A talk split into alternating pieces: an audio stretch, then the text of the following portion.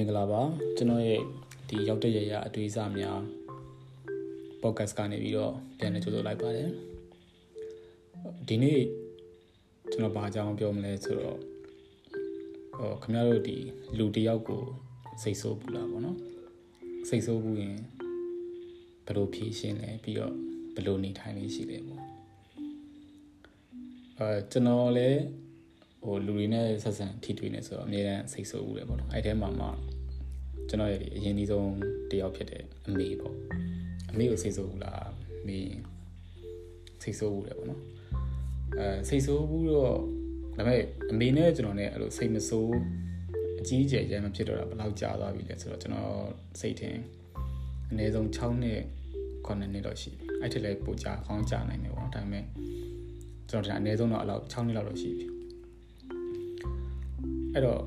ဘာလို့ကျွန်တော်အမေနဲ့စိတ်မဆိုးတော့ဘူးလဲဆိုရင်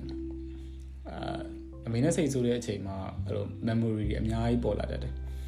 အဲ့ထဲမှာမှပထမဆုံးပေါ်လာတဲ့ memory ကဘာလဲဆိုတော့ကျွန်တော်ကအမေပထမဆုံးကြောင်းလိုက်ပို့တာပေါ့ကြောင်းလိုက်ပို့တော့မှဘာဖြစ်လဲဆိုတော့အဲ့ဒီတော့ဒီသူငယ်တန်းစပြီးတော့တက်မဲ့အချိန်အင်ကြီးတဲ့ဘောင်းမီတဲ့ဒီ တနခါလေးနဲ့ပေါ့နော်ပြီးတော့ချင်းတောင်းလေးတွေမှာထမင်းဘူးလေးနဲ့ထမင်းဘူးကအနံလေးကဟင်းနံလေးကလည်းမှုေးပေါ့အဲ့လိုက်ဖို့ပျော်တယ်ပေါ့ပျော်တော့အကြောင်းရောက်ကောရောက်တော့အဲ့လိုចောင်းသားတွေအများကြီးတွေ့ចောင်းသူတွေအများကြီးတွေ့ဆိုတော့ပို့ပျော်သွားတယ်ပေါ့နော်โอเคငါအများကြီးဆော့ရတော့မယ်ပေါ့ပျော်သွားပျော်သွားပြီးတော့ចောင်းတက်ပေါ့ចောင်းတက်တော့အဲဒီနိုင်ငံတော်ချင်းစားစုပေါ့နိုင်ငံတော်ချင်းစားစုတဲ့အချိန်မှာအဲ့လိုကျွန်တော်ထိုင်နေတဲ့နေရာ brain box ကနေလှမ်းကြည့်လိုက်ရင် အဲ့မှာចောင်းထိပ်ပေါက်မှာအမေကိုမြင်ရအမေကလမ်းကြည့်နေကြည့်ပြီးတော့ဘာလို့မြင်ရလဲဆိုတော့ဗျအမေသူစိတ်မချဘူးပေါ့နော်ဘာလို့လဲဆိုစိတ်မချဆိုတော့ဒီဘယ်လိုပြောရမလဲသူမွေးလာတဲ့ရနေပြီးတော့ဒီပထမဆုံးတဏီကုံစခွဲဘူးတာကចောင်းတက်မှာကျွန်တော်မူချိုလည်းမတက်ခဲ့မူချိုလည်းမတက်ခဲ့တော့ကြတော့အဲ့ချိန်ဘာမှစခွဲရတော့အမေအဲ့လိုသူလည်းစိတ်မချရင်လည်းကြည်ရမှာကျွန်တော်လည်းအဲ့ကြတော့မှအမေနဲ့တဏီကုံခွဲရတော့မှဆိုရင်မျက်ရည်ဝဲပေါ့နော်အဲ့တော့ အဲ့တုန်းကလည်းတခါကျွန်တော်အမေဝမ်းနေတော့မြင်ဘူးတယ်ပေါ့အဲအဲ့သူငယ်တန်းမှာပဲအဲ့လိုဒုတိယတစ်ခါဆိုရင်ပါတယ်ဆိုတော့တနေ့ကျတော့အမေကသူအိမ်လုံးတန်ရှင်းရေးလုံးအဲ့နေ့ကဖြစ်ချင်တော့သူတအိမ်လုံးကိုပြန်ပြီးတန်ရှင်းရေးလားမသိဘူးလုံးလုံးနေတော့အဲ့ဒီအချိန်မှာသူအဲ့ကြောက်အိမ်မှာကြောက်ကြောလဲထိုးတယ်ကြောက်ကြောထိုးတယ်ဆိုတော့လို့အိမ်မှာဖိုးဖွားကျန်တဲ့အတော်တွေပါညာရှိရောကြတော့ဟိုဒီဘယ်လိုပြောတယောက်ရဲ့ဝေစုလေးတယောက်ရှိရပေါ့နော် အဲ့တော့အမေနဲ့ကျွန်တော်နဲ့အတွက်ဆိုရင်၈တုံးလောက်လာမသိဘူးကြံနေထားပါတော့အတုံးကြီးအတွက်တော့အတိအကျမမှတ်မိမယ်ထားပါ၈တုံးလို့ပဲထားပါတော့အဲ့မှာအမေကပြောရပါတော့တကယ်သား၅တုံးစားပါတော့အမေတို့၃တုံးချန်လာလိုက်ပေါ့အမေဟိုဒါကြီးလှုပ်လိုက်အောင်ပဲပေါ့နော်အဲ့နဲ့ကျွန်တော်ဟုတ်ကဲ့မေးဆိုပြီးတော့အရှိမဆော်လိုက်ပြီးရင်နောက်ဖွေးဝင်ပြီးတုံးတော့စားလိုက်ဆော်လိုက်တုံးတော့စားလိုက်နေပေါ့နော်အဲ့မှာဆိုင်းဆိုင်းနဲ့ကိုငါတော့ကကုံပေါင်းကုံသွားတဲ့အချိန်မှာအဲအမေဟာတွိုင်းနဲ့ဆောင်းထူတာပေါ့နော်နောက်၃တုံး အော်တတုံးလောက်တော့ထပ်စားလိုက်တယ်ဘာမှဖြစ်ပါဘူးဆိုပြီးစားလိုက်ပြန်အဲ့ပြီးတတုံးကိုပေါ်တော့ကမဝသေးဘူးနောက်ကထက်လာတော့ကြောချိုးတာကိုချိုးတော့နောက်တုံးထပ်စားပြန်အောင်နောက်ဆုံးကျတော့တတုံးမဲကျင်တော့မထူးတော့ပါဘူးကဲစားလိုက်တော့မယ်ဆိုပြီးတော့ကလေးဆိုတော့အဲ့လောက်ကြီးမတွေးတော့9နှစ်သားရွယ်တော့ပဲရှိတယ်အကုန်စားလိုက်ပေါ့စားလိုက်ပြီးတော့အမေကပြီးလက်ပြီးတော့သူအားလုံးရှင်းလဲရှင်းပြီးတဲ့အချိန်မှာပြန်လဲရောက်လဲရောက်လာဟိုဒီဒီဘုတ်ကန်နဲ့ဝင်လဲကဘာမှမရှိတော့အမေကကျွန်တော်မေးရောပေါ့နော် အဲငါကြောက်ကြောက်တွေဘယ်ရောက်သွားလဲဆိုဒါအဲ့လိုစိတ်မထင်းနေတော့အကုန်စားလိုက်မိပေါ့နော်အဲ့မှာအမေကိုကြည့်ပြီးတော့ကျွန်တော်နည်းနည်းဟိုနောက်သားရသွားစားလိုက်မယ်ဘာလို့လဲဆိုသူသူ့ပုံစံကြည့်ရသူဟိုအလုပ်တွေအရန်ပင်ပန်းပင်ပန်းပြီးတော့သူအများကြီးလုပ်ခဲ့အရှိမှအဝေးတွေလည်းရှော့ကျန်းတွေလည်းတိုက်ဖာနေပါတာတအိမ်လုံးတန်ရှင်းရေးဆိုသူနည်းနည်းပင်ပန်းပင်ပန်းတဲ့အချိန်မှာငါပင်ပန်းသွားလဲပြီးရင်တော့ဒါလေးစားလိုက်ရရင်အမောပြေသွားမှာပဲဆိုတော့မျောလင်းချက်နဲ့သူဒီကိုရောက်လာတဲ့အချိန်မှာသူဘာမှစားစရာမရှိဘူး ဒါပေမဲ့အဲ့တော့ဘာမှပြောသိမ့်မပြောဩနေရာလေးပေါ့နော်ဟိုကို့မီပြီးမမောပပန်းနဲ့စားမင်းဟာကိုနေစားရလိုက်တယ်ပေါ့နော်အဲ့တိုင်းတော့ပဲပြောပြီးတော့ဒါကျွန်တော်အဲ့တော့လည်းစိတ်မကောင်းဘူးပေါ့နော်ခင်ဗျာတကယ်တော့မစားသင့်ဘူးပေါ့အဲဒါ9တန်းလောက်တုန်းကအဲဆိုရင်9နှစ်လောက်တုန်းကအဲ့လို memory ပေါ့အဲနောက်ပိုင်းမှာလည်းအဲ့လိုမျိုးဒီ memory တွေရှိရှိတော့ ဟိုမှာအကြီးဆုံးအကြီးမားဆုံးတစ်ခုစဉ်ပါလဲဆိုတော့ကျွန်တော်ဒီ10တန်းဆောင်ဝဲဖြည့်ပြီးတော့အဲ10တန်းအောင်ဝိုင်းအောင်ဝါပြီးတော့အိမ်နဲ့ခခွဲမနေသေးဘူးခွဲမနေသေးတော့အဲကျွန်တော်တောင်ကြီးဒီရွှေညောင်ဘက်မှာကျွန်တော်ခြံရှိဒီအဖိုးအဖွားရဲ့ခြံပေါ့နော်အဖွားရဲ့ခြံကနည်းနည်းကျဲတယ်ကျဲတော့အိမ်နှလုံးကောင်းကောင်းဆောက်လို့ရတယ်အဲ့တော့ဟိုဘက်မှာကအဖွားတို့အိမ်ဒီဘက်မှာကျွန်တော်နဲ့အမေနဲ့အဖေနဲ့အိမ်ပေါ့နော်အဲ့လိုနေကြနေတော့အဲ့မှာတရက်ကြတော့ ဘာဖြစ်လဲဆိုတော့အဖွားအဲအိမ်ကိုရောက်လာပြီးတော့ကျွန်တော်ကသူ့လက်ကောက်ခိုးတယ်ပေါ့နော်အဲ့အမေကလည်းအံ့ဘာနည်းပေါ့တော့ခိုးပါလေပေါ့အဲ့ကျွန်တော်လည်းဟင်းဘယ်လက်ကောက်လဲပေါ့ကျွန်တော်သိအောင်မသိဘူးပေါ့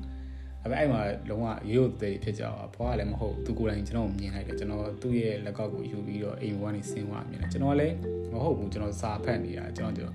အခန်းထဲမှာစာဖတ်တာပြင်တော့မထွက်ဘူးအဖွားမထင်တယ်ဆိုမဟုတ်ဘူးသူကလည်းကျွန်တော်ပဲ အဲ့နဲ့အဲ့လိုပြဿနာပူပူကြီးတာအော်ကြီးကျယ်တွေဖြစ်တော့ကြတော့ဘေးအိမ်ကြီးကလည်းဝိုင်းလာတာပေါ့နော်ဝိုင်းလာတော့အမေကလည်းရှက်တာပေါ့နော်နေဘောက်သွားလောက်တာလေပေါ့ဟိုနောက်ဆုံးကျတော့ကအဖွားကလည်းအဲ့လိုလုံးဝခန်းခန်းမာကြီးပြောနေကြအမေကလည်းသူမယုံကြည်ယုံကြည်နေပေါ့နော်နောက်ဆုံးကြတော့ဘယ်လိုပဲဖြစ်ဖြစ်ဟိုဒီ common sense ရကဘယ်သူမှတော့အလကားနေငါပစ္စည်းနေခိုးပါတယ်ဆိုပြီးတော့လည်းညှို့လာမထုတ်ဘူးလေအဲ့တော့အမေကလည်းအဲ့လိုရှက်ပေါ့နော် အဲ့တော့အားလုံးကလည်းဝိုင်းကြည့်အမေကလည်းတော်တော်ရှက်နေနောက်ဆုံးကျတော့ okay ကျွန်တော်ဒီပစ္စည်းတော့လုံးဝမယူပါဘူးပေါ့နော်ဒါပေမဲ့ဒီမှာလည်းကျွန်တော်စက်နေလို့ဖြစ်မယ်မထင်ဘူးပေါ့နော်ဟုတ်လဲဆိုတော့အကုန်လုံးကလည်းအဲ့လိုပဲထင်နေကြတယ်တကယ်လည်းကျွန်တော်မယူဘူးကျွန်တော်ကြိုက်လို့ရှာလို့ရတယ်ပေါ့နော်အဲနောက်ဆုံးအဲ့လိုထွက်ကန်ဒီမှာတော့မှကျွန်တော်အိတ်အိတ်ထဲကျွန်တော်အဲ့လိုပစ္စည်းပဲအကုန်ထည့်ကျွန်တော်ဝက်ဆိုက်ပဲထည့်ကဲရှာအဲ့အိတ်ကိုရှာဟိုရှာကြည့်ပေါ့နော်ကဲခုနောက်ဆုံးအနေနဲ့ရှာရှာလို့တွေ့ရဆိုရင် ပြောပေါ့နော်မတွေ့ဘူးဆိုတော့ကျွန်တော်ဆင်းတော့မယ်ပေါ့နော်အဲ့တော့ကျွန်တော်ဘာမှလည်းမယူတာဘူးဟိုအကယ်၍တွေ့လိုက်တယ်ဆိုချက်ချင်းတွေ့တာပေါ့နော်ကျွန်တော်ဘာမှယူသွားဖို့ဖတ်ဖို့လည်းအချိန်မရဘူးဆိုတော့သူတို့အဲ့လိုရှာကြတယ်တကူလုံးရှာတယ်အိတ်ထဲမှာရှာသူဘာမှမတွေ့ဘူးဒီတော့ကျွန်တော်လည်းအဲ့လိုပဲညင်ညင်နေပေါ့နော်အဲ့လိုပတ်စံလက်ထက်မှာတစ်ထောင်လားပဲရှိအာဘာမှမရှိဘဲနဲ့အာတောင်ကြီးတက်သွားတက်သွားပြီးတော့အဲကန်းကောင်းကျင်တော့အဲ့ဟိုတယ်တစ်ခုမှာအလုပ်ရအလုပ်ရတော့အဲ့မှာပဲကျွန်တော်အလုပ်လုပ်ပေါ့6လလောက်လား 6လတော့မဟုတ်3လ4လလောက်တော့ကြာတယ်ပေါ့နော်အဲ့မှာအလုပ်လုပ်ပေါ့အဲ့တော့အဲ့မှာတော့လည်းအမေတော်တော်ဟိုကျွန်တော်နဲ့ပတ်သက်ပြီးတော့သူခံစားရတယ်ပေါ့နော်ခံစားရဆိုတာသူရှက်တာရှိမယ်ပြီးတော့ဒီလိုလုပ်ရတယ်ပေါ့ပြီးတော့ဟိုတာစုပေါ့အဲခြားတဲ့ memory ကတော့အများကြီးပဲအဲ့လိုမျိုးကိစ္စတွေအများကြီးပဲဟိုဒါပေမဲ့အဲ့ဒီကိစ္စကနောက်ပိုင်းမှာဘယ်လိုရှင်းသွားလဲဆိုတော့ဟိုနှစ်နည်းနည်းကြာတော့မှအဲ့အိမ်မှာအဲ့အဖွားက ကျန်တဲ့သူရှိတဲ့သူသမီးတွေရောပြသူမီးတွေရောအဲ့လိုမျိုးတခြားဟာတွေဆွဆွဲတာအာဟိုပစ္စည်းပြောက်တယ်ဒီပစ္စည်းပြောက်တယ်နင်ယူပါမလားနင်ငါတွေးလိုက်တယ်နော်ဘာညာနဲ့ဆိုပြီးတော့အာနည်းနည်းများလာပေါ့ချိန်ပန်များလာတော့မှအဲသူတို့မတင်ကာတာနဲ့နည်းနည်းစစ်ကြည့်လိုက်တော့မှအဖွားကအသက်ကြီးပြီး80ကျော်ပြီဆိုတော့သူသဲကြီးထိတာသဲကြီးထိတော့အဲသဲကြီးတော့ဆေးပညာပိုင်းတော့တိတ်မသိပါဘူးသဲကြီးထိဒီသူအုံနောက်ကိုနည်းနည်းလေးထိကြိုက်တယ်ပြောတယ်အဲ့မှာ သူဒီ illusion ဖြစ်တယ်ခေါ်တာပါခေါ်လာမသိဘူးအဲ့လိုမျိုးဖြစ်ပြီးတော့အာသူ့ပစ္စည်းသူများရေးယူရဆိုပြီးတော့သူကအဲ့လိုဖြစ်နေတယ်ကျွန်တော်တော့ဒါအစိုးရသိတယ်ပေါ့ဒါပေမဲ့သူတို့ကတော့နှစ်တွေနည်းနည်းကြာတော့မှအဲ့ကိစ္စကိုသိပြီးတော့အဲ့တုန်းကဟိုကျွန်တော်တို့တော့မှအဲ့လိုမျိုးအိမ်ဘွားနှင်းချလိုက်တာတော့တော့ခွင့်ပေးလိုက်တာမှားတယ်ပေါ့နော်သူတို့အဲတောင်းပန်ပါပါညာပေါ့အဲ့လိုမျိုးတည်သွားတယ်ပေါ့နော်ဒါပေမဲ့ဆက်စဖြစ်နေတော့အမေလည်းတော်တော်ဝမ်းနေသွားတယ်ပေါ့အဲ့တော့ဟို ဒါတွေကအရင်တော့ဖြစ်ခဲ့တာတွေပေါ့နော်အဲ့လိုမျိုး memory လည်းကျွန်တော်မှအများကြီးရှိတယ်တခြားကိစ္စတွေလည်းအများကြီးပေါ့ထားပါတော့ focus အရန်ရှိပါမှကျွန်တော်ပြောတော့ဘူးပေါ့နော်ဒါပေမဲ့အမေကိုဘာလို့ကျွန်တော်စိတ်မဆိုးဖြစ်တော့လဲလို့မေးဒီရွယ်မှာအရင်တော့ဟာတွေကိုကျွန်တော်ပြန်ပြန်ပြီးတော့ကြည့်လို့ရတယ်ပေါ့နော် okay အဲ့တုန်းကဆိုရင်ဟိုအမေကဘာမှမလုပ်ခဲ့ဘူးပေါ့နော်ဘာမှသိမပြောခဲ့ဘူးခုနကပြောလို့သူမမောဘမန်နဲ့ကြောက်လို့စားမဲ့ချိန်မှာမရှိတဲ့ချိန်မှာအမေ ရတယ်ပေါ့နော်သူနည်းနည်းစိတ်ဆိုးပါပဲမဲ့ဟောငါသားရေးစားရပဲသူခွင့်လွှတ်ပေးတယ်အဲခုနကတော့ဒီဖြစ်တဲ့ကိစ္စမှာလက်ကောက်ကိစ္စမှာဆိုလည်းအဲသူသူဝမ်းနေပြီမဲ့ကျွန်တော်အရင်ကြီး pressure ပေးရပါအဲ့လိုမျိုးမရှိခဲ့ဘူးတခြားကိစ္စတွေမှာဆိုလည်းအမေအဲကျွန်တော်စိတ်ဆိုးအောင်စိတ်ဆိုးလိုက်မယ်ဒါပေမဲ့သူ့လက်မှာအဲ့လောက်ကြီးဒီလုံးလုံးကျူးကျူးဘာမှတိတ်မလုပ်ခဲ့ဘူးပေါ့အဲ့တော့ဒီအချိန်မှာကျွန်တော် ဘာနဲ့ရှေ့ဆက်နေလဲဆိုတော့အဲ့လိုအမေကိုစိတ်ဆိုးစရာတခုခြုံလာတိုင်းကိစ္စခြုံလာတိုင်းအရင်တော့ကအဲ့လိုအမေကောင်းခဲ့တဲ့ memory တွေကကျွန်တော်ကောင်းနေမှာပြန်ပြန်ပေါ်လာတယ်ပေါ်လာတော့ကြတော့စိတ်အရန်ဆိုးရမယ့်ဟာကမဆိုးပြတော့အဲ့တော့တခါကျရင်ကျွန်တော်ထင်တာကဟိုကျွန်တော်တို့ဘဝမှာ